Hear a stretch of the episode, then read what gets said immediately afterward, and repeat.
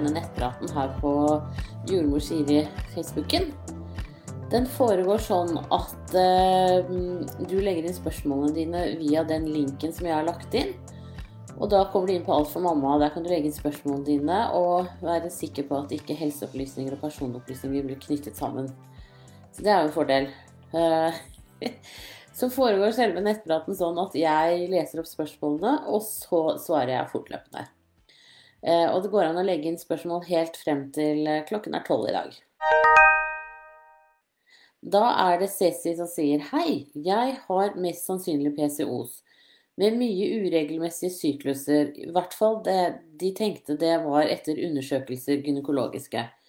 Vi fikk beskjed om, gravide, om, at å bli gravide var noe som kunne ta tid, og mulig vi trengte hjelp. Dette var før vi startet med å prøve.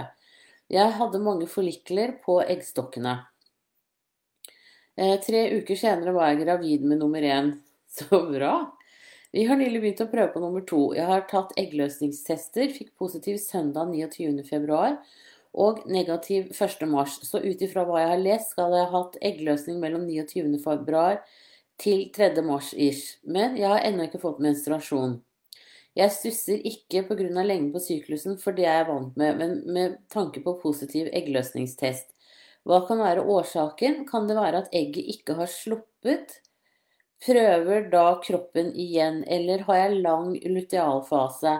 er jo nå to-tre uker siden positiv eggløsningstest og ingen menstruasjon. Heller ikke positiv graviditetstest. Uh, nei Det er jo det med, med, de uregelmessige syklusene at det sikkert har uh, slått til her også, tenker jeg. Så gi det i hvert fall noen uker til, og så kjenner du etter på kroppen din om du muligens kan være gravid. Eller om eh, om eh, at du, du, får da en sen mens. Så jeg tenker at eh, det, det, som også er, er at hyppig sex kan føre til eggløsning utenfor forventede perioder. Eh, og Det er også en av forklaringene på hvorfor man kan få en ganske sånn annerledes eh, termin når man kommer på ultralyd litt seinere. Så fortsett å ha sex som dere pleier, og så eh, Eller sånn dere pleier når dere prøver å bli gravide. Og så gi det noen uker til, tenker jeg. Og så ha høyde for liksom, hva er makssykluslengden din, eh, før du på en måte begynner å tenke noe annet. Eh, så lev som om du er gravid, men ha sex som om du prøver å bli gravid. Tror jeg er det gode rådet. Da ønsker jeg deg riktig lykke til videre. Og siden du ble gravid såpass lett forrige gang, så får vi bare krysse fingrene for at det, at det skjer relativt greit denne gangen også. Da må du ha en strålende dag videre, og tusen takk for at du følger meg her. Ha det bra! Og så er det bekymret som sier Hei, jeg har nå hatt to Mr. Abortions på rad. Første gang fant jeg det ut i uke tolv på privat ultralyd, andre gangen i uke ni. Da fikk jeg komme inn på ultralyd tidligere pga. forrige MA. I begge svangerskapene har jeg vært kvalm og hatt alle svangerskapssymptomer hele tiden. Ingen blødninger, og det har vært et sjokk at det ikke var liv. Jeg fikk også beskjed begge gangene at det ikke var fosteranlegg, og at fostersjekken ble fylt opp med vann. Jeg har to friske barn fra før, veldig takknemlig for det. Jeg har bare lyst til å bli gravid så fort som mulig. Jeg har vanligvis veldig uregelmessig mensen, og ofte over 40 dager mellom hver mens. Har blitt gravid med veldig sein eggløsning i syklusen med mitt barn nummer to og fire i graviditet. Den siste emmaen var i januar i år. Jeg hadde litt rester igjen i livmor og fikk Provera for å få blødning. Etter å ha gått på det i ti dager begynte jeg å spotte litt først, før jeg etter noen dager begynte å blø skikkelig, men ikke veldig kraftig. Som jeg fikk beskjed at den første menstruasjonen etter Emma skulle være sånn. Og det varte bare to dager før det sluttet helt. Jeg gikk til privat gynekolog, og han sa at det fortsatt var blod i livmoren, og at jeg hadde en syste på ene eggstokken. Han trodde ikke jeg ville bli gravid i denne syklusen av det, og har tatt en ny tidagers kur med Provera igjen, og nå startet mensen i dag. Jeg er så bekymret. Hvorfor var det fortsatt blod i livmor? Håper dette blir en skikkelig mensen og livmoren kan bli helt tømt. Og hvorfor har jeg en syste? Kan dette forhindre meg i å bli gravid? Kjenner jeg veldig stresset? Har så lyst til å bli gravid, men kjenner jeg ønsker det skal skje fortest mulig. Kan Proveraen gjøre slik at det blir en rot i systemet med eggløsning og mensen?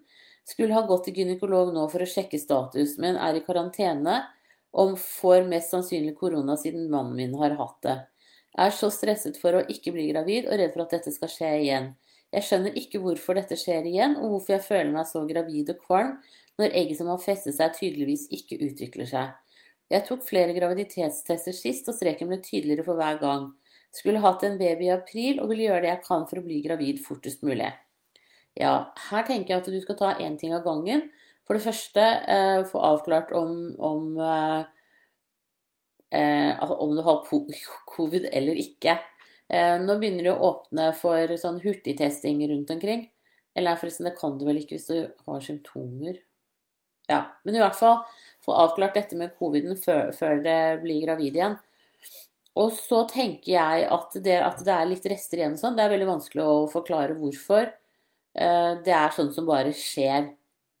Men det jeg tenker er liksom det viktigste for deg, det er at jeg syns at fastlegen din skulle ta og henvise deg eh, til eh, eventuelt til genetisk veiledning. For hvis du har to MA-er etter hverandre sånn, så, så, kan det jo tyde på at det er en genetisk eh, miss at det er en dårlig kobling der. Så det syns jeg du skal snakke med fastlegen din om. Ehm, så kan du også få sjekket, hvis ikke du allerede har det, koagulasjonsfaktoren din i blodet. Eh, man, det pleier som regel å ende med SA hvis man har, har feil der, da. Så MA er, er, en mye mer sjelden form for abort. Eh, men så vidt jeg vet, så handler det i større grad om genetiske feilkoblinger. Så jeg tenker at å få, få, rede på det, uh, og, og, um, og, da er det de store sykehusene rundt omkring i landet som uh, pleier å gi det. I Oslo-området så er det Riksen. Og så det, det, at det var blod i livmoren, det er jo som oftest fordi at det er litt rester, da. sånn at du, det ikke liksom greier å tømme seg helt selv. Så jeg tenker at det er absolutt riktig å ta provere en runde til. Fordi at ellers så kan du risikere å få en infeksjon. Eh, og, det er i hvert fall ikke bra. Så eh, sjekk med fastlegen din. Og så eh, tenker jeg det der du sier at du har blitt gravid veldig seint i syklusen med barn nummer to og fire, så gjør du nok det også denne gangen, tenker jeg. Eller neste gang, da. Og så at du selvfølgelig også får kommet deg tidlig inn på, på ultralyd og blir fulgt opp i, i, forhold til eh, det nye fosterets utvikling etter hvert. Um, men akkurat nå så tenker jeg at det der med korona også er veldig greit å ha det ute og være ferdig med det i forhold til familien. Og egentlig sånn sett så eh, Det er ikke sikkert at du får det selv om mannen din har det det er veldig stor forskjell på, på, hvordan dette her smitter, rett og slett.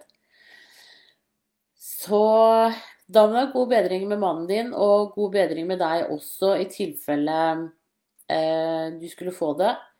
Eh, høy feber kan gi nedsatt sædkvalitet i, i hvert fall i to måneder. For det er så lang tid som det tar å lage nye sædceller bare sånn at du eh, har litt is i magen nå. Hvis mannen din har hatt høy feber nå med korona, 39 pluss, så er de sædcellene han har nå, ikke de aller, aller beste.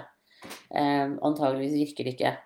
Sånn at eh, gi det nå noen måneder. Selv om du er utålmodig, så må du faktisk ha litt is i maven.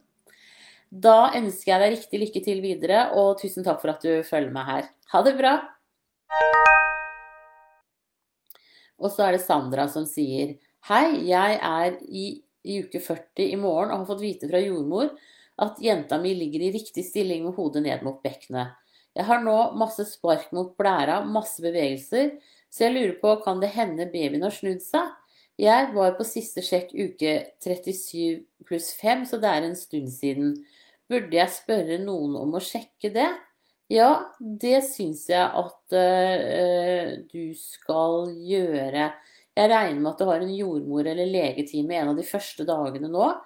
Uh, hvis du skal på sånn trivselskontroll på sykehuset, så vil de selvfølgelig også sjekke hvilken vei babyen ligger, for da vil de gjøre ultralyd. Uh, og skulle vannet gå, eller, eller du begynner med rier, så syns jeg at du skal ringe til fødestedet ditt eh, tidlig og så si at du faktisk er litt usikker på hvilken vei babyen ligger. Eh, hvis det er sånn at babyen har sparket mot blæra hele tiden, så, så, er det eh, Og du har fått konstatert hodeleie, så er det nok at det er armene babyen bruker. Men hvis det er nytt, så tenker jeg at eh, da skal du være kjapt på'n når, når du begynner i fødsel. Så jeg tenker at du eh, bør få komme til lege eller jordmor mandag eller tirsdag Eh, bare for å, å, bli kjent på og eventuelt henvist videre eh, til en ultralyd på sykehuset for å, for å liksom kartlegge hvilken vei baby ligger. Eller at eh, fastlegen kan gjøre det, eller jordmor hvis de har ultralydapparat. Så, for det er, det, er kjekt, det er, kjekt, å vite når man går i fødsel. De fleste seteleier går jo helt fint å føde seteleie, men det er i hvert fall greit å være klar over det. Da ønsker jeg deg riktig lykke til videre, og tusen takk for at du følger meg her. Ha det bra! Og så er det Jenny som sier hei. Jeg er gravid.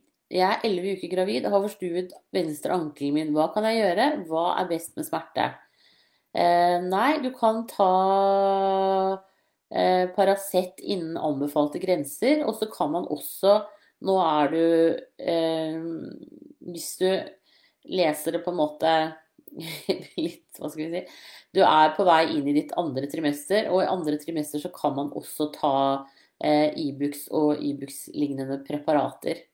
Så eh, for en sånn kortere periode så kan du gjøre det. Og så er det selvfølgelig viktig at du går med støttebandasje, eh, sånn at eh, smerten blir minst mulig. Sitt med beinet opp når du sitter, og pass på å ikke belaste mer enn du må. Så vil jo de verste smertene gi seg i løpet av noen dager.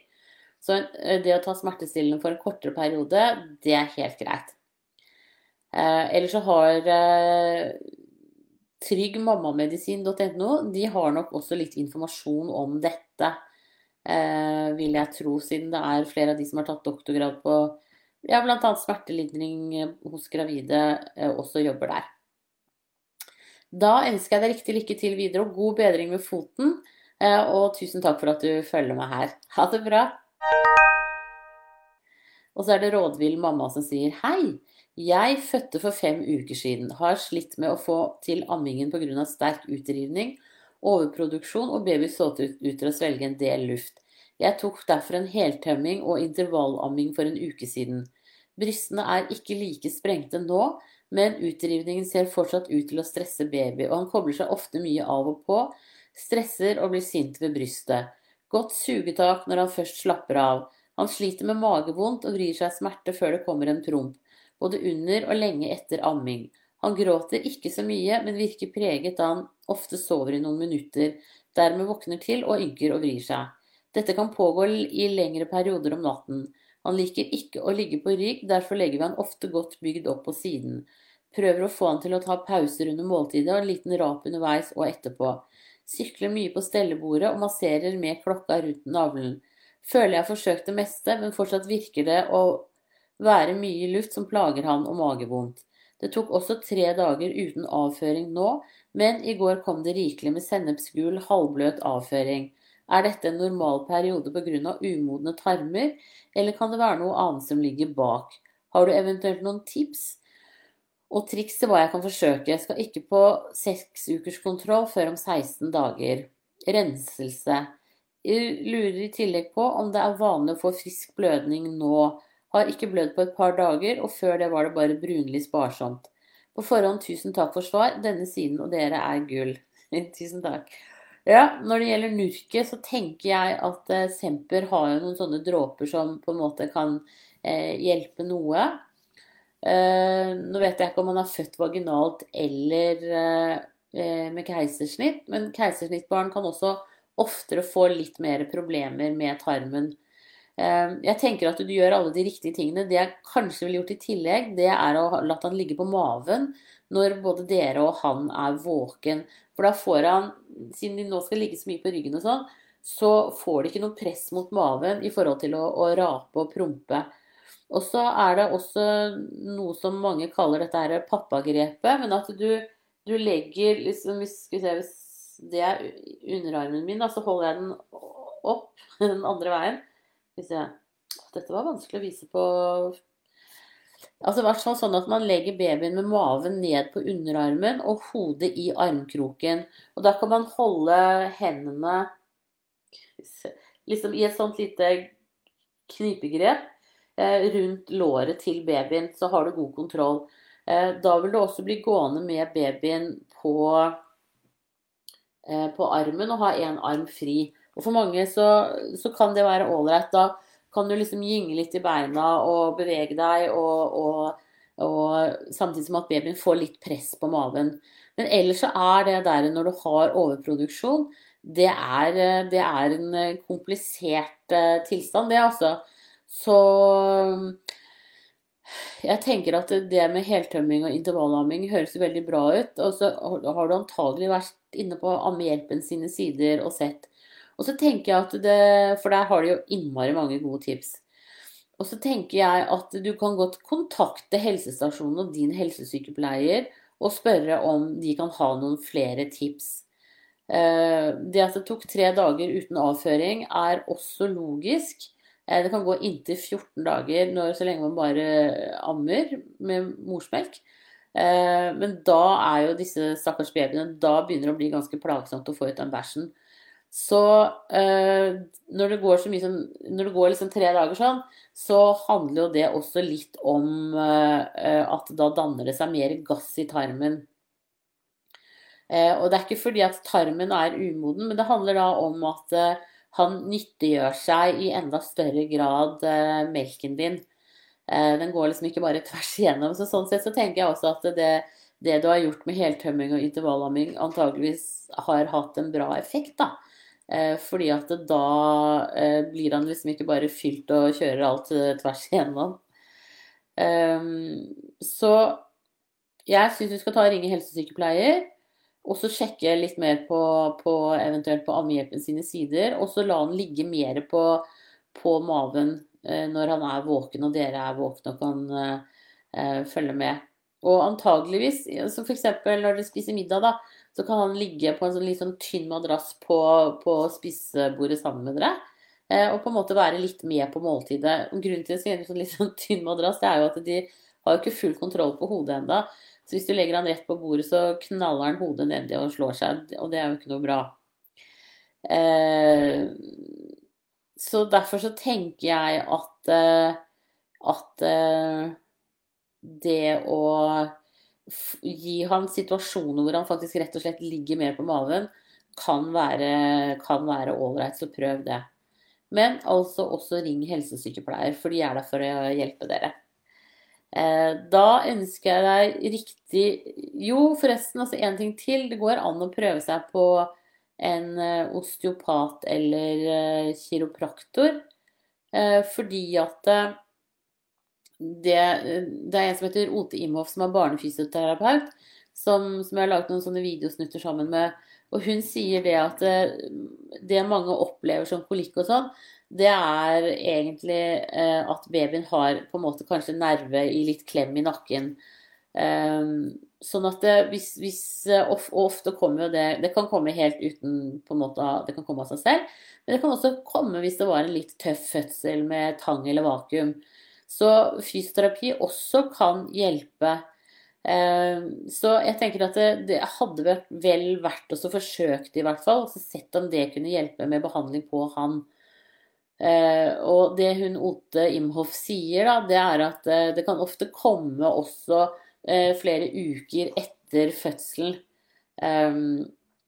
Så, for da har det liksom stått litt over en tid, og så blir det mer og mer smertefullt for babyen. Det man noen ganger kan se det på, det er at de foretrekker å, å snu hodet mer den ene veien enn den andre. Og da kan det tyde på at de har en sånn, en sånn liten låsning. Så det syns jeg også du skal gjøre. Du kan jo sjekke med helsestasjonen om de har fysioterapitilbud der. Eller så, så ville jeg prøvd eh, alternativt osteopaten. Altså, se om det er noen der hvor du bor som er gode på barn. Hør, hør eventuelt om de har noen å anbefale også på helsestasjonen. Uh, så det tenker jeg Her kan det være flere faktorer, rett og slett. Men Da ønsker jeg deg riktig lykke til videre, og tusen takk for at du følger meg her. Og så håper jeg det blir bedre snart. Ha det bra! Og så er det Hei som sier Er gravid i uke 28 med mitt tredje barn. Har ganske liten mage på målingene og er veldig tynn til vanlig. Går til ultralyd hver fjerde uke, og i uke 27 var babyen minus 7% Dette anses som ok, ikke sant? Skal tilbake igjen etter påske. Er redd noe er galt, men mine andre to barn var små, og det samme med meg og barnefar. Sliter også veldig med søvnen, kramper her og der i beina osv. Men det som jeg er mest redd for, er om jeg kan drepe babyen med å sove på høyre side. For jeg leste det i en artikkel en gang. Vet at blodgjennomstrømningen er best på venstre side, og da prøver jeg jo å tvinge meg selv til å bare sove der. Ender opp med elendig søvn og smerter i bena. Hver gang jeg vet at jeg har sovet mye på høyre side, så tenker jeg at jeg har drept henne. Er dette ulogisk? Jepp, det er det. Heldigvis. og hun kan overleve dersom hun fødes på denne tiden. Har født til termin før, men er redd får hjelp på fødepol for disse tankene også. Ja. Det er sånn at dersom du ligger på ryggen eller ligger på en måte som kan skade babyen, så vil du faktisk bli dårlig av det først. Eh, ryggleie er jo den berømmelige vena cava. Eh, hvis du ikke blir svimmel av å ligge på ryggen, så går det helt fint. Og du kan i hvert fall helt 100% sikkert ligge på høyre side. Eh, det er ikke noe problem. Og det er helt naturlig. ikke sant? Vanligvis så snur vi oss i løpet av natten fordi vi blir stive i kroppen. Og som gravid så blir du enda fortere, enda stivere. Så ikke, ikke stress med det i det hele tatt. Eh, dander deg med puter der det trengs, og, og, bare sov med god samvittighet. Du kan ikke drepe barnet i magen gjennom hvordan du sover. Det er en myte. Akkurat det samme som nå som alle disse her idiotiske mediene skriver at ikke far kan være med på fødselen, det er bare tull. Jeg måtte bare si det òg. Eh, så og siden du har en del kramper, så tenker jeg at eh, magnesiumtilskudd kan være en bra ting for deg. Så ta maksdose med magnesium, og gjerne rett før du legger deg. Ta 350 mg, eh, for det hjelper mot leggkramper, pluss at det virker søvndyssende. Hvis ikke det hjelper innen én til to uker, så kan du også prøve med magnesiumolje rett på leggene. Og så smøre inn bena med det før du legger deg. For da trekker magnesiumen rett inn i, i muskulaturen og gjør at den slapper litt mer av. Eh, det vil også kunne gjøre at du har faktisk litt mindre plagsomme kynnere. Eh, så det kan eh, være en god investering uansett. Eh, og så tenker jeg hvis det er sånn at du våkner midt på natten og sånn, ha en banan liggende på nattbordet eh, og spis den. For det også har mye magnesium i seg, i tillegg til litt sånn søvndyssende eh, åh, Nå husker jeg ikke hva det heter, men i hvert fall bananer kan også virke søvndyssende. Og så tenker jeg i forhold til hvis, hvis denne babyen her ligger helt innafor eh, i forhold til de to andre og det du sier at dere er små, så er det helt greit. Men du kan nok antageligvis også øke matinntaket ditt til å være f.eks. seks måltider i løpet av dagen. Men som er mindre måltider, da, sånn at du ikke eh, opplever det som ubehagelig. Eh, babyen din kan fint overleve og bli født nå, men da blir det på en måte typ to måneder på prematur. Så ta det med ro. Ikke gjør noe som trigger ekstra kynnere eh, hvis du har mye av det. Eh, og prøv også å spise mer jevnlig gjennom dagen. Eh, men jeg tenker også at det at du går til ultralyd hver fjerde uke, eh, hvis det er fordi at de skal følge med på hvordan babyen legger på seg, så, så spiser du vel kanskje litt lite. Så her er det viktig med et økt matinntak hos deg. Rett og slett. Det tenker jeg er viktig. Uh, og veldig bra at du går på fødepol og får hjelp med disse tankene også. Uh, hvis du har en spiseforstyrrelse, så har Villa Sult i Oslo nå uh, startet et doktorgradsarbeid i forhold til dette. og det går også an å, å, å melde seg på der alternativt. Jeg tror det fortsatt er er åpent for det. Men hvis ikke så kommer det i hvert fall dette kommer det til å bli mer og mer fokus på videre. Men akkurat nå så er jo du gravid allerede. Så her er det opp til deg. Pass på liksom, om et mellommåltid kan være en smoothie, en yoghurt, eh, hva som helst som på en måte er greit å få i seg. Også kjempefint at du følges opp tettere. Men knip igjen litt til. Eh, prøv å komme deg i hvert fall til uke 34. Eh, det, det, tenker jeg er, eh, det er et bra mål, og enda så er jo det en måned for tidlig. Eh, og babyen har jo ofte godt av å, å, å være inne lengst mulig. Så da ønsker jeg deg riktig, riktig lykke til videre, og tusen takk for at du følger meg her. Ha det bra! Og så er det sprekkeferdig 30 pluss 2. Vanlig at baby i magen er veldig aktiv når jeg dusjer. Den kan vel ikke merke at jeg dusjer og reagerer på det, eller tilfeldighet? Nei, det kan godt hende at den kjenner at det blir litt varmt, og så kan det hende at liksom når du dusjer, så slapper du veldig godt av og eh, utskiller kanskje litt mer sånn lykkehormoner, jeg vet ikke. Eh, og at babyen merker det og skal liksom være med og være litt happy. Eh, men jeg kan godt tenke meg at babyen når du er 30 uker gravid, merker det. Og den vil jo høre lyden. Eh, at det er en litt mer sånn vorselyd. Så, så, det tenker jeg er helt, eh, helt innafor og helt normalt. Eh, og kanskje ikke en tilfeldighet. Så det kan jo bli artig å se når babyen kommer ut, da, hvordan babyen reagerer på, på dusjelyden. Det er klart at den er jo litt annerledes utenfor maven enn inni, men noen lyder vil de nok gjenkjenne. Og det er samme som det er derfor man sier at det å synge sanger for dem og sånn kan være litt kult. Fordi at uh, de vil kjenne igjen de sangene uh, utenfor maven også. Så Og da mener man jo selvfølgelig at det kan virke beroligende, da. Forhåpentligvis. Så man kan gjøre forskjellige eksperimenter med disse babyene inni maven, og så se hva som skjer da når de kommer ut. Noen ganger funker det, andre ganger ikke. Men skader ikke å prøve. Da ønsker jeg deg riktig lykke til videre, og tusen takk for eh, at du følger meg her. Ha det bra! Og så er det Eva som sier Kjære Siri. Jeg er nå 39 pluss 4 med tredje barnet. Et langt svangerskap med mye ekstrem kvalme nesten hele veien. Og plager med bekken og det som er. Ved kontroll på sykehuset hadde jeg bare to centimeter og nesten avflattet. Stripping er gjort to ganger, men jeg føler ikke det hjelper noe foreløpig. De to andre er født noen dager før termin, og jeg føler meg helt ferdig. Jeg har skikkelig angst for å gå over termin, da begge tidligere barn har vært store nok, og jeg er også redd for keisersnitt. Jordmødrene på sykehuset har virket litt stresset og litt bryske, så jeg får ikke ut et eneste spørsmål til dem. Hva kan jeg gjøre? Jeg er skikkelig psykisk og fysisk utslitt nå. Jo, du er jo helt på vippen til å gå over i fødsel. Så jeg tenker at det du kan prøve, er såkalt nippelstimulering. Dvs. Si at du, du, gnir lett på brystvortene dine. Eh, prøv med én av gangen. Og så bruk en olje, sånn, en matolje f.eks., som ikke har parfyme. Og så gnir du til du får en ri, og så venter du til den har gitt seg. Eh, og så kan du gjøre det, gjenta dette her i en time morgen og kveld. Ikke noe mer enn det, for da kan du få stormrier, og det er kjipt. Det er øh, plagsomt for deg og barnet. Men prøv det. Prøv det i to-tre dager, og se om ikke det kan øh, kanskje starte fødselen. For det syns jeg at jeg ser at flergangsfødende de greier mye lettere å stimulere seg selv inn i fødsel når alt er klart. Og det er det jo nå i og med at du er 39 pluss 4. Øh, så jeg tenker at det skal ikke så innmari mye til å, å sette deg i gang, altså. Og så kan du jo også prøve den berømmelige fødepizzaen. Det ligger oppskrift innpå alt, på, alt for mamma på den.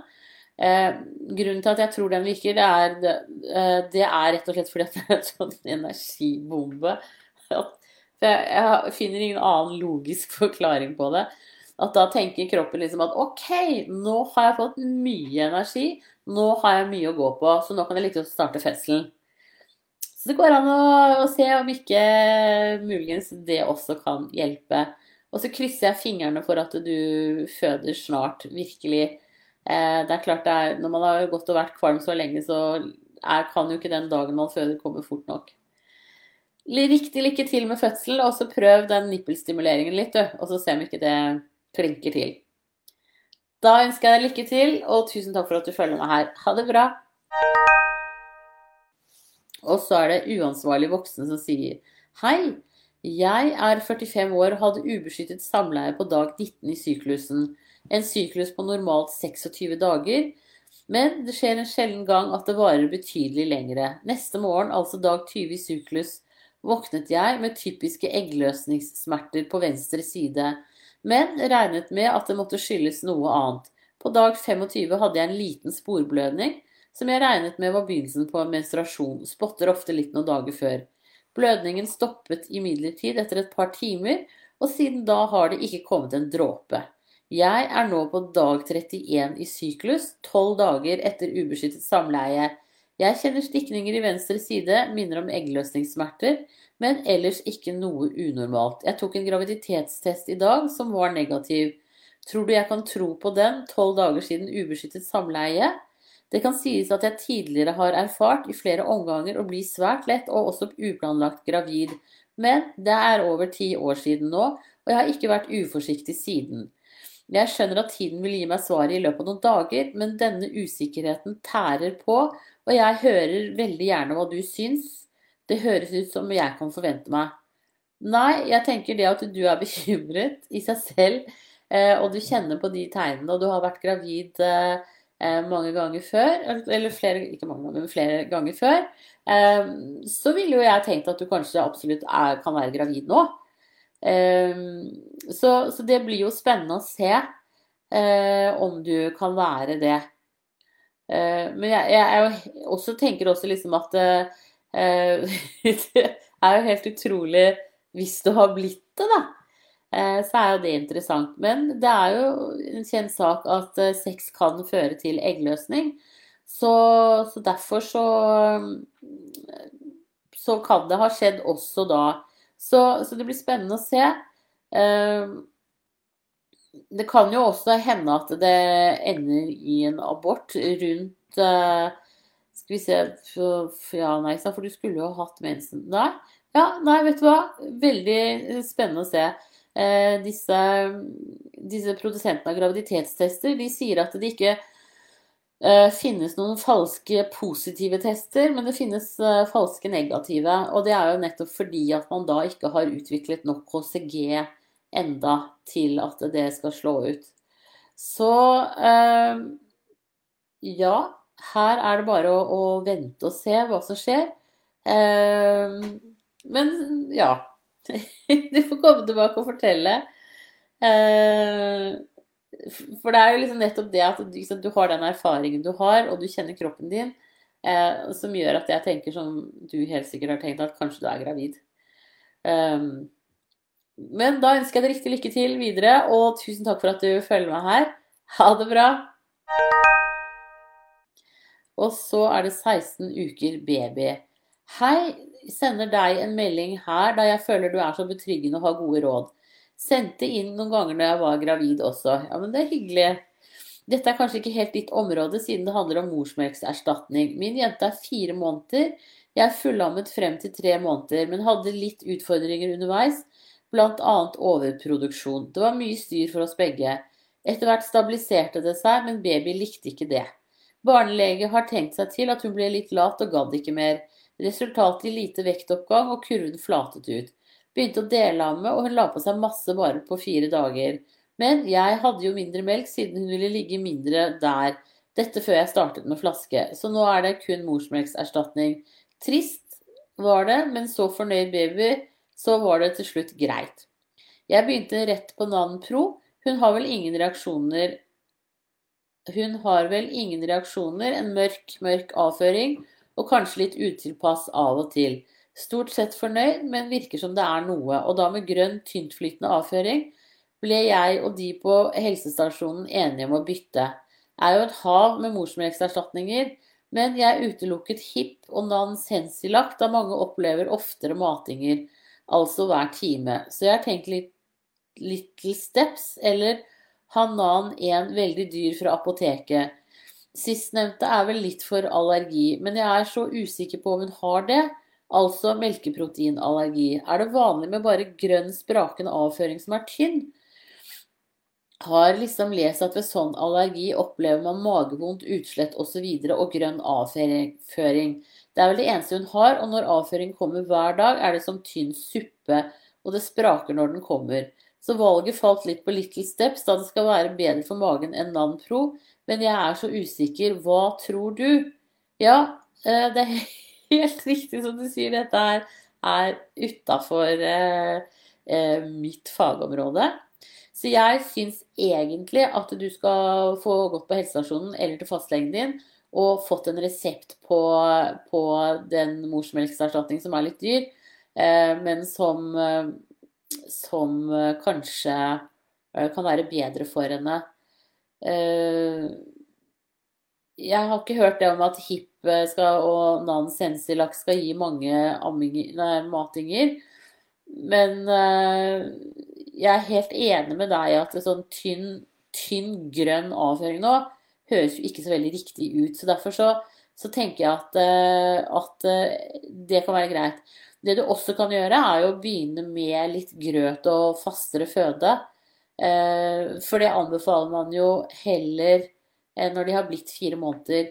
Så inne på Helsedirektoratet sine sider så står det om det, og hva som er på en måte en grei ting å begynne med. Det ligger også ute en sånn PDF-fil som du kan laste ned på, på PC-en din som, om, om, disse tingene her. men jeg tenker at Kan du ikke høre med de på helsestasjonen igjen om eventuelt helsestasjonslegen kan se på, se på henne? Fordi at helsestasjonslegene har jo bedre greie på små nurk enn det fastlegene egentlig har. Og så at dere kan legge en plan videre. Og helsesykepleierne har også mange gode råd for grøt, og, og jeg tror også du kan begynne med f.eks. most banan og, og, sånne ting som det. Så det kan hende at, eh, at det morsmelkstilleggsperioden kanskje er litt over, rett og slett. Eh, at andre ting kan hjelpe. Men ring helsestasjonen på mandag og, og få time til lege og helsesykepleieren din der. I hvert fall helsesykepleieren i første gang, omgang. Det tenker jeg kan være lurt. Da ønsker jeg deg riktig lykke til videre, og tusen takk for at du følger meg her. Ha det bra! Da var det dagens siste spørsmål. Så da slutter jeg av nå, og så begynner jeg å legge inn eh, URL-en. Eh, og så må dere ha en riktig, riktig strålende dag videre, og så snakkes vi. Ha det bra!